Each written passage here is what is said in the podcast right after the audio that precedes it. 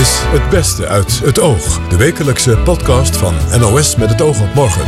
Buiten is het grijs en miserig. Binnen zit de immer opgewekte Mieke van der Wij.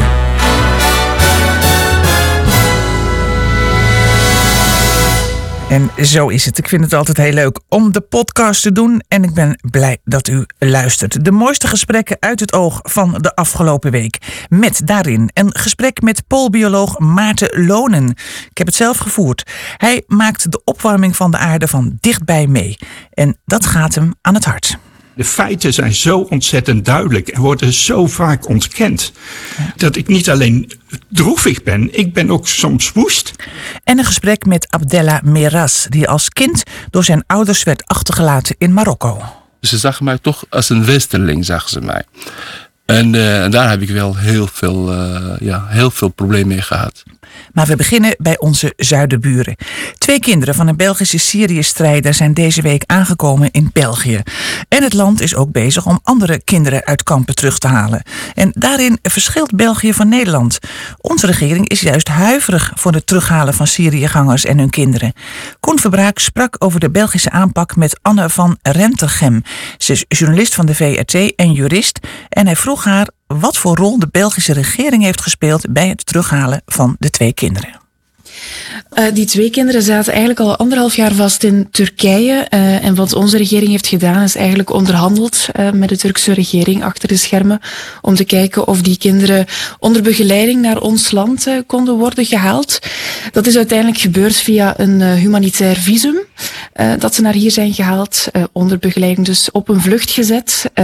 en dan, eens ze hier waren, heeft de politie hen dan naar een jeugdrechter gebracht. En die heeft dan beslist om ze onder te brengen bij hun oma hier, uh, die hier uh, al even verbleef. Ja, aanvankelijk dacht België er net zo over als Nederland, namelijk die kinderen van Syriëgangers niet terughalen. Maar mm -hmm. nu heeft Brussel toch een ommezwaai gemaakt. Waarom uh, is dat gebeurd eigenlijk?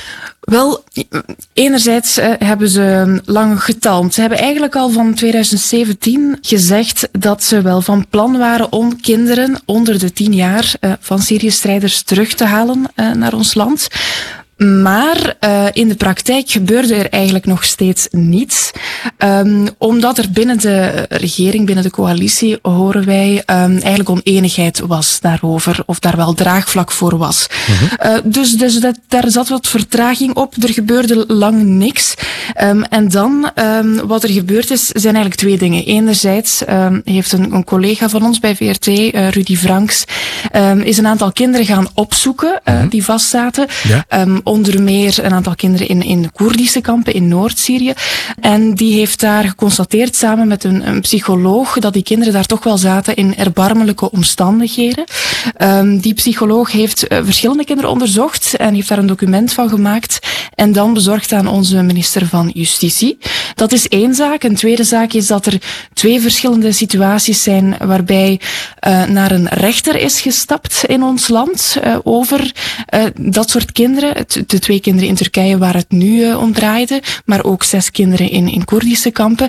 En twee keer heeft een Brusselse kortgedingrechter beslist dat de Belgische staat verplicht moest worden om uh, actief ervoor te zorgen dat die kinderen hier konden geraken.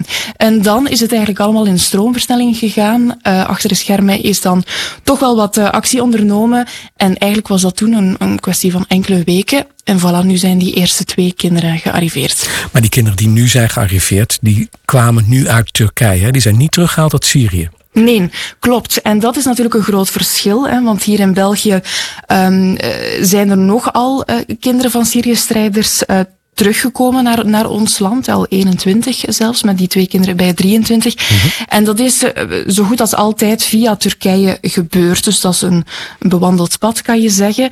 Uh, maar um, nu, uh, in de toekomst, zal het vooral gaan over de kinderen die vastzitten in Koerdische kampen in Noord-Syrië. Ja, dat is een andere zaak natuurlijk. Dan moet je op de diplomatiek vlak wel veel meer gaan onderhandelen. Met wie is de eerste vraag natuurlijk. Mm -hmm. En ja, in dit geval de Koerdische Autoriteiten. Dat is niet zo gemakkelijk. Hè. Dat loopt niet, niet gemakkelijk. Je hebt daar ook hulporganisaties voor nodig um, om, om die, die weg terug naar ons land te, te kunnen uh, verwezenlijken.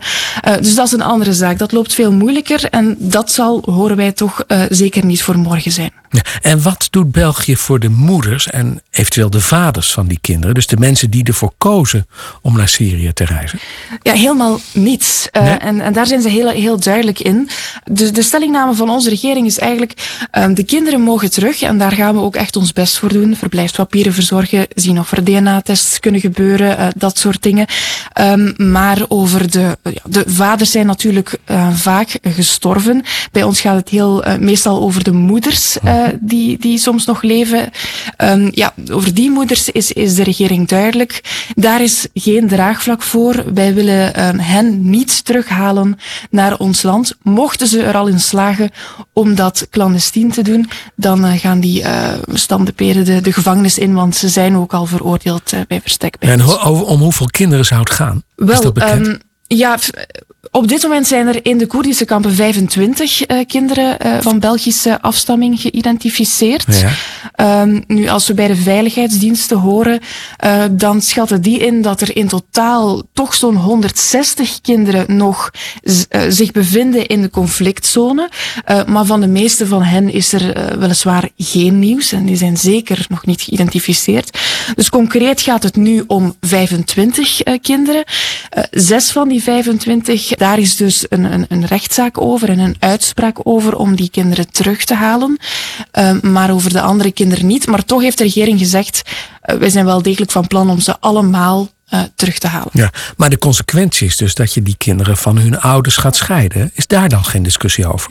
Daar is zeker discussie over en dat is ook in, in, in de uitspraak over die zes kinderen. Uh, daar heeft de uh, rechter in Brussel wel beslist um, dat de Belgische staat moest de kinderen met de moeders uh, terug meenemen. maar de regering heeft besloten om, om dat voorlopig niet te doen. Hij gaat ook in, in beroep in die zaak. Dat wordt trouwens zeer binnenkort behandeld. Mm -hmm. Maar in, de rechter zelf zei eigenlijk, je kan een kind van een, van een moeder niet scheiden. Mm -hmm. maar de regering zegt dan weer, ja oké, okay, Uh, maar die moeders zijn natuurlijk veroordeeld, ja. dus die gaan de gevangenis in. Ja, dan heb je de facto al een scheiding. Uh, dus, dus waar hebben we het nog over? Ja. Bovendien uh, hebben de, de twee moeders van die zes kinderen waar het in de zaak omdraait, zelf al aangegeven, wij willen vooral dat de kinderen uh, kunnen terugkeren. Als dat zonder ons is, is dat ook goed. Ja. U zei al, België gaat ook kinderen uit Koerdische kampen in Syrië ophalen. Hoe, hoe werken die Koerden daaraan mee? Wel, dat, is, dat loopt nog wat moeilijk eigenlijk. Er zijn wel degelijk onderhandelingen achter de schermen tussen het ministerie van Buitenlandse Zaken en de Koerdische autoriteiten. De Koerden doen op dit moment uh, nog steeds uh, moeilijk uh, in die zin dat zij de kinderen niet willen afgeven zonder de moeders. Uh, dus zij zijn van mening dat de moeders wel mee moeten. Uh, en dat is nu, nu natuurlijk moeilijk hè, voor onze regering. Die probeert daar ergens een uitweg in te vinden. Ja. Alleen is op dit moment nog helemaal niet duidelijk hoe dat dan uh, zou kunnen gebeuren. Wel, in ieder geval hebben ze het uh, Internationale Rode Kruis uh, al ja. gevraagd om, om de terugweg voor die kinderen te faciliteren. Om dat al te bekijken hoe dat zou kunnen gebeuren. Ja, want dat is een van de argumenten van de Nederlandse regering om het niet te doen. Dat ze zeggen dat is te ingewikkeld om die kinderen uit die Koerdische kampen naar Nederland te halen.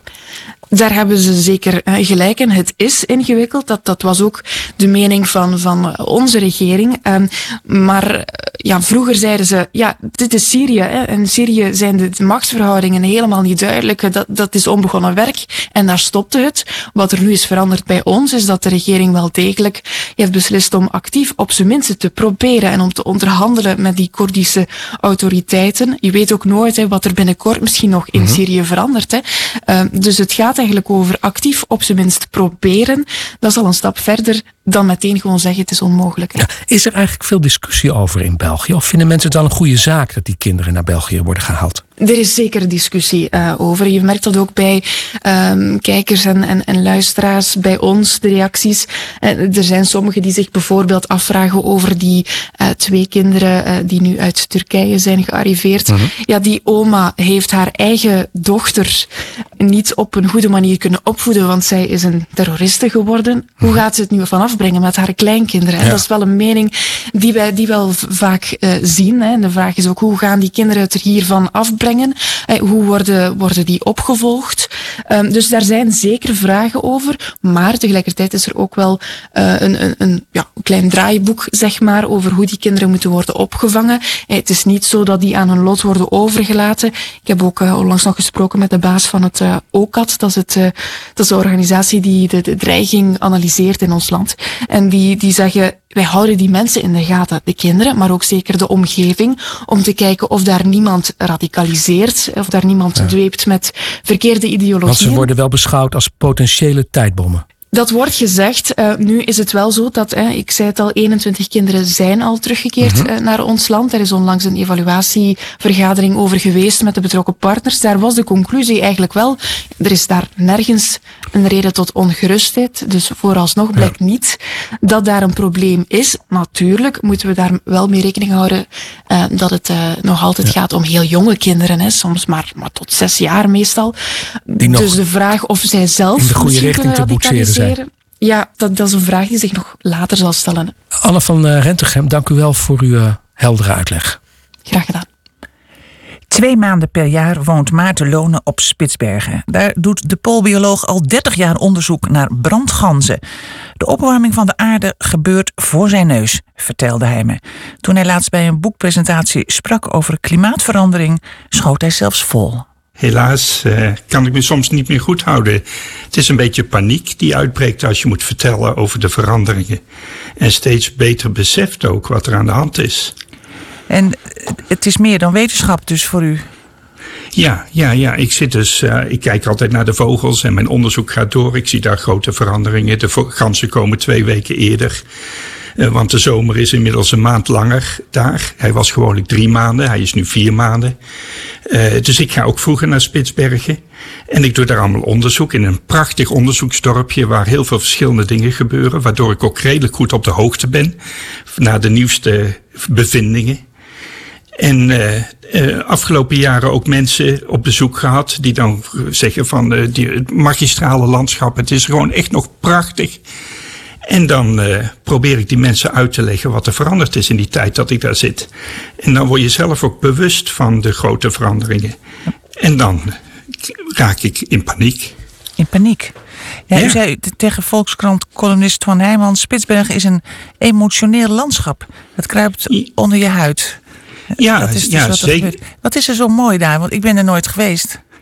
Nou, het, het, is, het is heel puur. Het is, het is een wildernis. Het, het is in werkelijkheid onvriendelijk. Maar uh, ik heb. Uh, het, het, is ook een vorm van een gebied waar we een beetje thuis horen. Het idee is eigenlijk dat toen we in Afrika leefden, toen plukten we de vruchten van de bomen. En uh, wij zijn eigenlijk slim geworden door naar het noorden te migreren, mammoetjagers te worden. Daar hebben we geleerd te koken. En allerlei cognitieve uh, dingen ontwikkeld. En ik denk dat als we nu nog terugkeren naar dat landschap, je ineens beseft dat je daar moet plannen, dat je daar samen moet werken, dat je de overleven is daar een sociale bezigheid. En die heeft heeft geleid tot allerlei innovaties, zelfs voor ons als mensheid in die honderdduizend jaar dat we ons ontwikkelen. En, en, en dat gevoel, dat, dat raakt heel diep, maar dat maakt eigenlijk dat het in zijn in zijn oneindige uh, kilheid toch heel mooi is. Als je daar in dat landschap kunt zijn. En wat is er nu en, bijvoorbeeld dan anders dan bijvoorbeeld twee jaar geleden? Kunt u bijvoorbeeld een concrete verandering? Nou, nou, nou, zeg maar, de gletsjers trekken al jaren terug. We hebben afgelopen zomer deden we vogeltellingen voor het tweede jaar. En wij voeren op plekken waar het jaar daarvoor we niet konden komen, omdat er nog gletsjer was. Als ik naar buiten kijk, dan zie ik nu gewoon de zeehonden daar op, het, op de plaat liggen. Wat in 30 jaar geleden waren het ringelrobben. En was de gewone zeehond zeldzaam.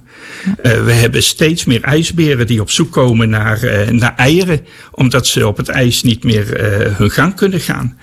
Het, het fjord bevriest niet meer. En ook op de oceaan is dus natuurlijk minder ijs. Wat ervoor zorgt dat, dat, dat er geen stabiele ingevroren kust meer is. En dat er een hele agressieve golfslag die kust ook aan het afslaan is. Maar ik heb vrienden die hun huis hebben moeten verplaatsen. Ik heb, ik, als ik in het, in het gebied daar kom, daar staan huizen leeg. Omdat ze de afgelopen jaren onbewoonbaar zijn verklaard. Omdat ze ineens beseffen. Er zijn landverschuivingen geweest. Er zijn lawines geweest. In het dorp is het grootste gebouw, wat het nieuwste gebouw was in het dorp. Drie jaar oud. Dat is al helemaal opnieuw gefundeerd. Omdat het bleek te verzakken. Maar als, u, als het u zo aangrijpt, waarom gaat u er dan steeds naartoe? Nou, omdat het nog wel prachtig is en omdat het ook mijn werk is. Maar mijn werk is dus min of meer die ganzen volgen. En dat doe ik ook met heel veel plezier en kijken naar die natuur. Het is gewoon voor mij als bioloog ook één groot experiment hoe die dingen reageren. Maar ik wil niet alleen maar over de beesten praten. Ik, ik wil ook vertellen over inderdaad wat het doet met de mensen daar. Ja. En, en dat is, uh, nou, dat is schrikbaar. Ja, eigenlijk je kunt natuurlijk onver, onverwachte dingen. Ja, zoals? Nou, nou bijvoorbeeld dat, dat daar een, een, uh, een global seed. Er is een zaadkruis gebouwd. Die zou voor de eeuwigheid zaden veilig moeten verbergen. Ja. En dan krijg je, krijgen we een, een, we hebben daar al jaren drie keer meer regen uh, dan normaal dat er valt. En die, dat regenwater liep de kluis in en bevroor. En maakte het uh, spiegelgladde tunnel de berg in. Ja. Terwijl die kluis helemaal gebouwd is van dit is het einde van de wereld. 70 meter hoog in de berg. De berg is ja. helemaal bevroren. Dat zou voor de eeuwigheid de boel moeten opsluiten. En binnen, binnen vijf jaar is er, uh, zijn er problemen die wel oplosbaar zijn. Maar het laat wel zien hoe onvoorspelbaar het is en hoe weinig we nog inzien dat het heel wat anders is als een beetje warmer worden of een beetje kouder worden. U zegt we zien dat nog veel te weinig in. Zijn we gewoon te laat met dat klimaatakkoord? Nou, Eigenlijk net niet. Zeg maar. In 2015 was een bijzonder jaar met Parijs, met de rechtszaak van uh, Ogenda. En dat was overduidelijk dat de wetenschappers op dat moment zeiden: er is een weg, we kunnen het allemaal nog doen. Alleen we moeten wel zorgen voor een ombuiging binnen vier jaar, vier tot vijf jaar. En daar zijn we nu. En dan kijk ik om me heen en dan is er veel veranderd in de mentaliteit. Maar is het nog steeds zo dat bijvoorbeeld nu over het klimaatakkoord alleen maar gepraat wordt? Het wordt doorgerekend. Ik, ik, heb, ik heb soms het idee dat we over uh, onze kleinkinderen zullen ons vragen wat wij gedaan hebben aan de crisis waar zij in terechtkomen. En dan gaat het erom wie was goed en wie was fout. Zo van wat heb jij in de tijd gedaan toen het erop aankwam? Dat dat, dat soort vragen gesteld gaan worden. En nu kunnen we er iets aan doen. Iedereen, iedereen van ons kan er iets aan doen. En het is geen onzin. Alle kleine beetjes maken een hele grote verandering. Weet u, u bent eigenlijk van polbioloog klimaatactivist geworden.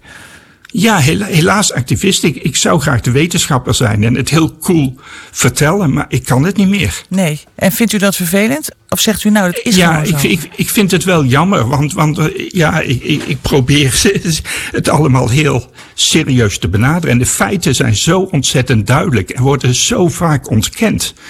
Dat het gewoon, dat, dat, dat, ik, dat ik niet alleen droevig ben, ik ben ook soms woest. Ja gewoon van wat, wat je hoort. Het is gewoon, het is, wetenschap is wetenschap. Wetenschap zijn niet zomaar wat gedachten of zo. En toch hoor je tot in de Tweede Kamer dat het ontkend wordt. En het is ongelooflijk dat mensen moeten zoeken naar de waarheid op internet. En dat er zoveel onzin op internet staat. Het is echt zo duidelijk. Het is zo duidelijk aan het veranderen. En dat zien we nu in de Noordpool. En we zien dat het onverwachte dingen met zich meebrengt. Een heel duidelijk verhaal. Hebt u droog gehouden tijdens dit gesprek? nou, Net. ja. Mag ook ja. wel een klein beetje grapje over maken. Hè? Hartelijk ja, dank. Zeker. Ja, oké. Okay. Abdella Meras was acht jaar toen hij door zijn ouders in Marokko werd achtergelaten. Die hadden geen vertrouwen in de Nederlandse manier van opvoeding, vertelde hij aan Lucella Carasso. Gek genoeg voelde het voor Abdella destijds helemaal niet alsof hij werd achtergelaten. Nee, dat heb ik nooit eerlijk gezegd zo uh, gezien. Maar als ik natuurlijk nu terugkijk, ja, dat is eigenlijk, ja, wel een soort achterlating. Want ja, je bent wel tegen je, ja, tegen je zin. In ieder geval, ik wist niet dat ik, dat ik uh, terug zou, uh, zou gaan. Ik ging met vakantie. En op een gegeven naar Marokko? Moment, naar Marokko. En op een gegeven moment uh, hoor je van, ja, je blijft gewoon hier. Je gaat hier naar school. En toen mijn vader dat zei, dacht, dacht ik, ja, oké, okay, prima. Dan blijf ik hier. Dan blijf, dan en, blijf en, ik hier. en uw vader en moeder gingen Ja. terug naar Nederland. Klopt, klopt. Uh, Ja. U bleef bij opa en Oma, oma? ja. Bij oma? Oma en opa, ja. Ja. Klopt. En met welk doel bleef u daar? Moest u Ehm, daar blijven? Eerlijk gezegd, ik was wel een, last, een, ja, een moeilijk kind. Een lastig kind ook. Heel druk, echt druk kind. Ehm, En mijn vader wist echt niet hoe mij, om met mij uh, moet omgaan. Ik zocht heel veel aandacht. En als ik die aandacht niet kreeg, dan ga ik of mezelf opsluiten of, of gewoon op, in opstand. Dat is eigenlijk wat ik, wat ik altijd deed. En waarom dacht uw vader van dan is hij in Marokko beter af? Wat was de gedachtegang daarachter? Uh, ja, een strenge aanpak. Want hij merkte wel dat op school dat hij eigenlijk niet de straf kreeg die eigenlijk hij zou willen zien. En dat waren ook lijfstraffen, hè? Die hij graag wilde zien. Ja, ja, ja. En je merkt wel dat het te soft vond. En ook uh, met de taal. Uh, ik, was, ik, ik waren geen moskeeën toen, of weinig moskeeën die Arabische taal gaven. Dus dat was ook een zorg voor hem. Dus maar wacht even, want hij stuurde u naar Marokko voor een strengere aanpak. Maar werd u dan ook door uw oma of opa geslagen? Nee, eerlijk gezegd niet. Ik had wel een, een oma die de broek aan had. Dus zij was echt uh, ja, de baas in huis. Maar het was gewoon echt ja, lief. Ik heb nooit zo'n lieve vrouw gezien. Dus die, door haar ben ik ook nooit geslagen, maar wel door, door school en door de omgeving. Dus ooms en buren, dat wel, ja. En, en werd u daardoor wat minder druk of ging u zich daar anders door gedragen zoals uw vader dat graag wilde? Ja, de eerste jaren was natuurlijk voor mij was echt een hel. Want uh, ja, je, je kent die cultuur niet. Je bent hier gewend toch op bepaalde systemen. Je gaat naar, terug naar Marokko waar ja, hard aanpakt. Dus echt geen, ja, geen rekening houden met dat ik uit Nederland ben gekomen. Dus dat ik geen Arabisch ken. Dus als de leraar mij vraagt van lees dit en ik weet het niet. Ja, dan, dan, dan heb, je echt een, dan heb je echt een groot probleem. Ja, zonder genade. En ook uh, op straat, ik werd heel veel gepest door kinderen. Uh, ze zagen wij mij toch als, als, als rijk uh, kind. Want ik had ook natuurlijk speelgoed en dat soort dingen. En ook als Nederlands noemden mij wel een koe, Nederlands koe, kaas. Alles, echt alles. Dus ze zagen mij toch als een westerling, zagen ze mij. En, uh, en, daar heb ik wel heel veel, uh, ja, heel veel problemen mee gehad. Uh, uiteindelijk bent u toch teruggekomen ja. weer naar Nederland. U ja. heeft pedagogiek gestudeerd. u heeft uw werk er ook van gemaakt om Klopt. ouders te helpen met de opvoeding. Klopt. En u helpt nu ook vaders van, met een Marokkaanse achtergrond die moeite hebben met hun kinderen op te voeden. Ja, wat, ja, niet alleen maar Marokkaanse migrantenvaders, want we werken met, eigenlijk met alle vaders. En wij proberen, van, kijk, ik geloof heel uh, heilig in, in preventief aanpak. Ik geloof niet in curatief aanpak. Als, als, als uh, zoveel mogelijk um, eerder beginnen. Want je merkt wel, bijvoorbeeld, ik zou een voorbeeld geven. Als ik vergelijk met een aantal groeperen die hier al lang leven of wonen, dan merk je wel dat, dat, dat ze beginnen aan te passen. Dus echt dat ze weten hoe dat systeem werkt. Bijvoorbeeld Marokkanen, Turken. Meer. Dus ik zeg niet dat het helemaal, maar meer. Maar als ik vergelijk met nieuwkomers, dan zie je dat er mensen, dat er heel veel onbekendheid zijn met, met, met, met het systeem, bijvoorbeeld het schoolsysteem. Uh, wat en, en de vrijheid die hier geldt vergeleken bij een aantal andere landen. Precies, juist. En ook uh, omgaan met vrouw-man. En dat is iets wat natuurlijk voor een groot deel achter de voordeur zich afspeelt. Uh, hoe komt u bij die gezinnen terecht? Hoe, hoe komt u met ja. ze in contact? Ja, nou, onze aanpak, omdat we sowieso preventief uh, werken, wij zoeken die mensen. Wat wij proberen is niet te betuttelen. We zeggen niet van je moet dit doen, je moet meer schoonmaken, je moet meer koken. Nee, dat zeggen we niet. We zeggen uh, vaderrol is belangrijk. Focus, we focussen echt op afstemming, op taakverdeling tussen je partner. Als je dat kan doen, ja, dan, dan heb je eigenlijk heel veel bereikt. Ook over opvoeding, over alles. Maar als je dat kan bereiken, dan heb je eigenlijk alles bereikt. Want dan ga je dingen doen die je leuk vindt. Je gaat, af, je gaat afstemmen, je gaat taak verdelen. En die doet ook dingen die je leuk vindt. En maar dat, dat is natuurlijk dan, dan tussen, tussen de stellen. Hè, binnen, ja. tussen de stellen, binnen ja. een huwelijk of binnen een Klopt. relatie. Of relatie in de communicatie met de kinderen, hè, wat, wat adviseert u vaders daarin? Ja, communiceer je. Ja. Praat je over allerlei dingen. Over seksualiteit bijvoorbeeld. Wat het taboe. Over huis kindermishandeling. Uh, wat doet het eigenlijk bij het kind? We zeggen niet dat kindermishandeling mag niet, dat mag niet hier. Het is strafbaar. Nee, dat zeggen we niet. Want anders... Uh, wat ja, gebeurt anders, er dan? We zeggen eigenlijk zegt? wat het doet. Ja, nee, wat het doet bij, bij, bij het kind. Weet je wat... Weet, dus je weet gaat wat, in op de schade voor precies, een kind. Juist, in schade, maar ook hun ook, eigenlijk als het goed is, kan je, dat je zegt, veel, ben je al ooit geslagen? Ja, hoe voel je je toen? En dan heb je natuurlijk, en dan zet je hen aan het nadenken. Van ja, nou eigenlijk voel ik me echt, ja, voel ik een vernedering of, of, of ik voelde me, uh, ja, uh, uh, ja, die boos, dat ik boos ben dat iemand me pijn doet. En dan heb je natuurlijk een discussie. En wat wel belangrijk is, dat, wij, dat je ook moet uh, focussen op de intentie van ouders. Want elke eigenlijk gezonde ouders tussen haakjes wil het beste voor zijn kind. Ook dat mijn vader me heeft teruggebracht. Het was geen goede keuze. Maar ik begrijp zijn intentie. Ja, want wat vindt hij ervan? Want hij leeft nog, dat ja. u dit werk doet. Is het bespreekbaar met hem? Uh, hij is echt heel erg trots op mij. Uh, want voor hem was het natuurlijk... Alles wat hij deed was... was ik, toen ik mijn diploma haalde van HBO. En ik zeg van papa, dat is wat ik, wat ik gedaan heb. Want ik mocht niet naar school. Hij zegt, je moet gelijk werken als je naar Nederland komt. Ik heb toch... ging ik toch studeren. En ik heb ook alles betaald. Dus ik moest schoonmaakwerk doen. Alles, nachts, weekenden.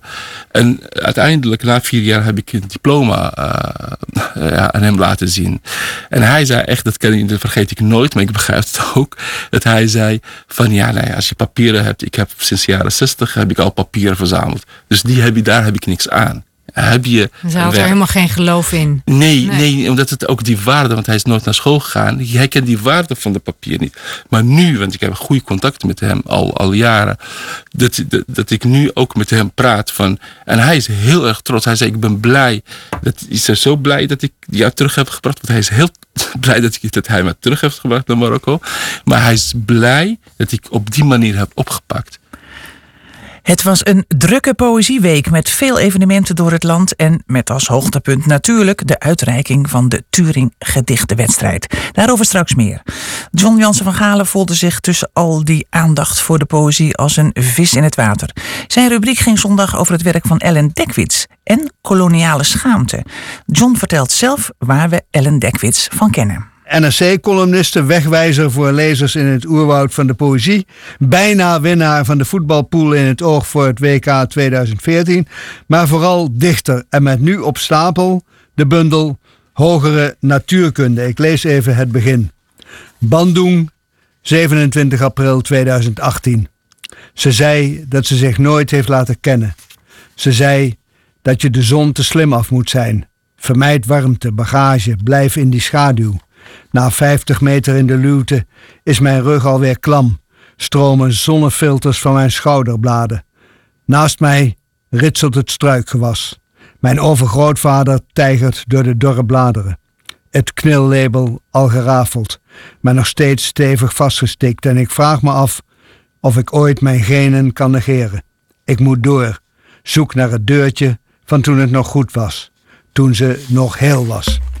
Ik hoor het KNIL, het Koninklijk Nederlands uh, Indisch Leger. Ja. Nederlands-Indië, daar gaat het over. Hè? Daar gaat het over. Het gaat vooral over mijn lieve terror-oma, zoals Dekwits hem noemt.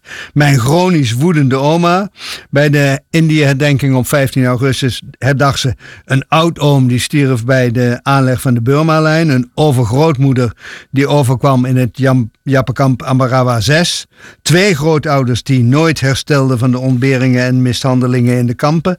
En, en vorig jaar ging ze zelf naar hun land van herkomst. En ook het land van haar oma, omdat ze het eens wilde beleven, dat land waar ze een heel Hollandse voorstelling van had. Zei ze. Als, als die mensen over bos spraken, dan zag zij dijkenbomen, eikenbomen voor zich. En ik lees nog graag even iets over die oma. Ik wist niet dat zij die achtergrond had. Nee, nee. wist ik ook niet. Ja. Uit Borne komt ze, maar daar woonden die mensen ja. dus ook. Ja. Oma, 1921-2014. Benen van staal, borstkas van titanium, immuunsysteem van een rioolwerker, het geweten van een beurshandelaar, een lap grond, geschoffeld met geweerkolven. Ze was drie meter lang en trots op haar huid die nooit bruin werd. Ze was gevaccineerd tegen de zon. Ik vertelde aan mijn vriendje dat ze in een kamp had gezeten. Een soort Anne Frank, vroeg hij. Moi, met een machete misschien. Ze zei, kon Wibi? Die speel ik met gemak tegen de vlakte. Ze zei, ik hoefde niet zo nodig kinderen, maar ja, in mijn tijd hadden we nou nog geen pillen voor. Ze zei: Waarom doet iedereen hier alsof ze zichzelf hebben bevrijd? Alsof ze die gestoorde Verenigde Staten daar niet voor nodig hadden. Stuk gaan, zei ze altijd. Ik heb dat diploma nooit weten te behalen. Nou, wat een oma. Ja, een, een formidabele oma. Ja. En ook, zoals Ellen zegt, reuze racistisch. Zoals veel Hollanders in Indië. Waardoor haar kinderen en kleinere kinderen, dus, dus ook Ellen, van de weeromstuiten een enorme koloniale schaamte kregen. En zich gingen schamen voor hun huidskleur. En zo komt de dichter via het koloniale verleden ook uit bij het actuele racisme in deze tijd. Een, een bijzondere bundel lijkt mij. Ja, dat is een bijzondere bundel. Eigenlijk ook vooral omdat ons hele koloniale verleden in Azië poëtisch eigenlijk heel weinig opgeleverd heeft. Terwijl proza wel. De grootste Nederlandse proza-schrijvers, Multatuli, Louis Couperus, Hella Haase, hebben er veel en indringend over geschreven. Maar, poëzie niet. Hoe komt dat, denk je? Ja, ik denk dat poëzie misschien vele ja, dichters onge- ongeschikt leek om de ongemakkelijke koloniale samenleving te beschrijven. Al zegt Ellen Dekwits juist dat het benoemen van het meest pijnlijke is poëzie bij uitstek. Bij poëzie klets je eromheen, zodat hetgene waar je omheen kletst oplicht. Maar eh, Rob Nieuwenhuis, de grote kenner van de Indische literatuur, heeft gezegd over de poëzie van over dat land: er is niets. Nou was dat een beetje overdreven. Er was veel, heel wat zelfs. Maar voor hem blijkt er als het allemaal onder de maat. En dichters als Jan Prins en Willem Brandt hebben ook nooit de bloemlezing van Komrij gehaald. En, en dat zegt wel wat. Hè. Het was eigenlijk allemaal dichten over de overweldigende tropische literatuur. En daar had je natuurlijk Slauerhoff. Ja. Die heeft op Java gewoond. Maar daar, daar vandaan voer hij naar de landen elders in Azië. Waar hij wel over dichtte. En eigenlijk niet over Java. Leo Vrooman heeft in Jappenkampen gezeten. Die heeft hij eigenlijk vooral overleefd door zichzelf af te sluiten voor de werkelijkheid. En dus ook de werkelijkheid van de koloniale samenleving. Dus eigenlijk blijft Ja, alleen de onbekende G.J. Racing over. Dat was een geleerde die in zijn gedichten een symbiose wist te scheppen tussen Hollandse dichtkunst en het Indische, Indonesische levensgevoel. En die is er ook tot aan zijn dood blijven wonen. Nou, die G.J. Racing die eh, kent volgens mij helemaal niemand meer, John. Nee. nee. Daar kan ik ook nog een keer over voorlezen, andere keer. Maar goed, nu gaat Ellen Dekwits dat dus alsnog goed maken. Een paar generaties Ja, verder. helaas duurt het nog even, want ze Oh. leest nu overal al voor uit die bundel. Oh. Maar die bundel zelf, daar heeft ze de verschijning net van uitgesteld. Van hogere natuurkunde, want het voelt voor haar nog niet af. Ze heeft zoveel mensen gesproken, zegt ze. En ik heb me zo verdiept in het verleden van mijn familie en van Nederland. dat het nog moet eh, sudderen. Oh. Het duurt dus nog even. Dus ik kan nog wel even een voorproefje geven. Ja. Want ik heb het al op PV, PDF thuis, zover Ja, als Jij het verheugt je er dus op, begrijp Ja, ik. Ja, ik verheug me erop. Graag. En nog even over die oma dus. Nog, nog meer over die oma. Ja. Oké. Er was eens een grootmoeder. Ze feunde mijn al lang droge haar op de allereerste stand. Ze zei dat het zo voelde wanneer je vijf uur lang voor een vlag moest knielen. Er was eens een grootmoeder die altijd zei dat de honger zich om de hoek bevond. Dat iedereen zomaar opeens kon verdwijnen. Er was eens een grootmoeder die zei dat ik dit allemaal niet tegen mijn ouders mocht zeggen. Er was eens een grootmoeder die soms, als ik haar woonkamer binnenkwam, deed alsof ze dood was. Lag ze daar op het Perzische kleed, haar mond half open, het gebind balancerend op haar onderlip. Kwijldraten tussen haar mond en de grond, alsof ze trek in aarde had.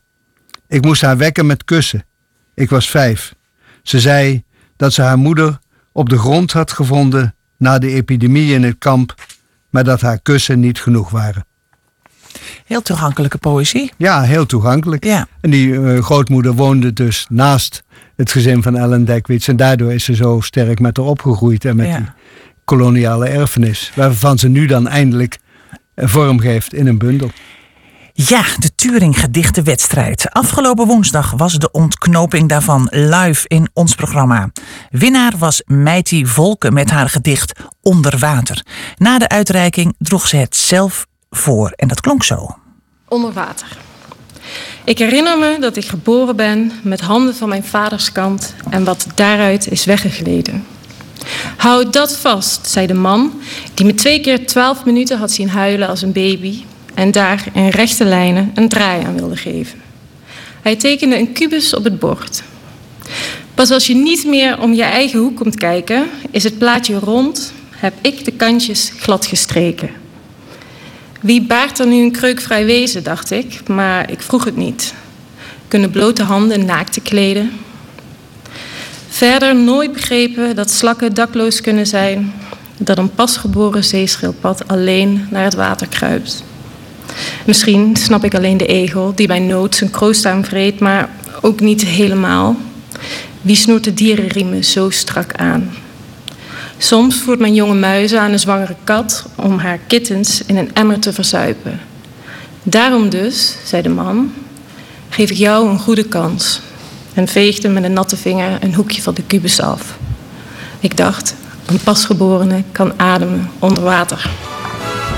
Zo, het winnende gedicht dus van de Turing Gedichtenwedstrijd. En daarmee besluiten wij deze het beste uit het oog. Maar uh, volgende week, dan is er natuurlijk weer een nieuwe dag. Gute Nacht, Freunde. Es wird Zeit für mich zu gehen. Was ich noch zu sagen hätte, dauert eine Zigarette und ein letztes Glas im Stehen.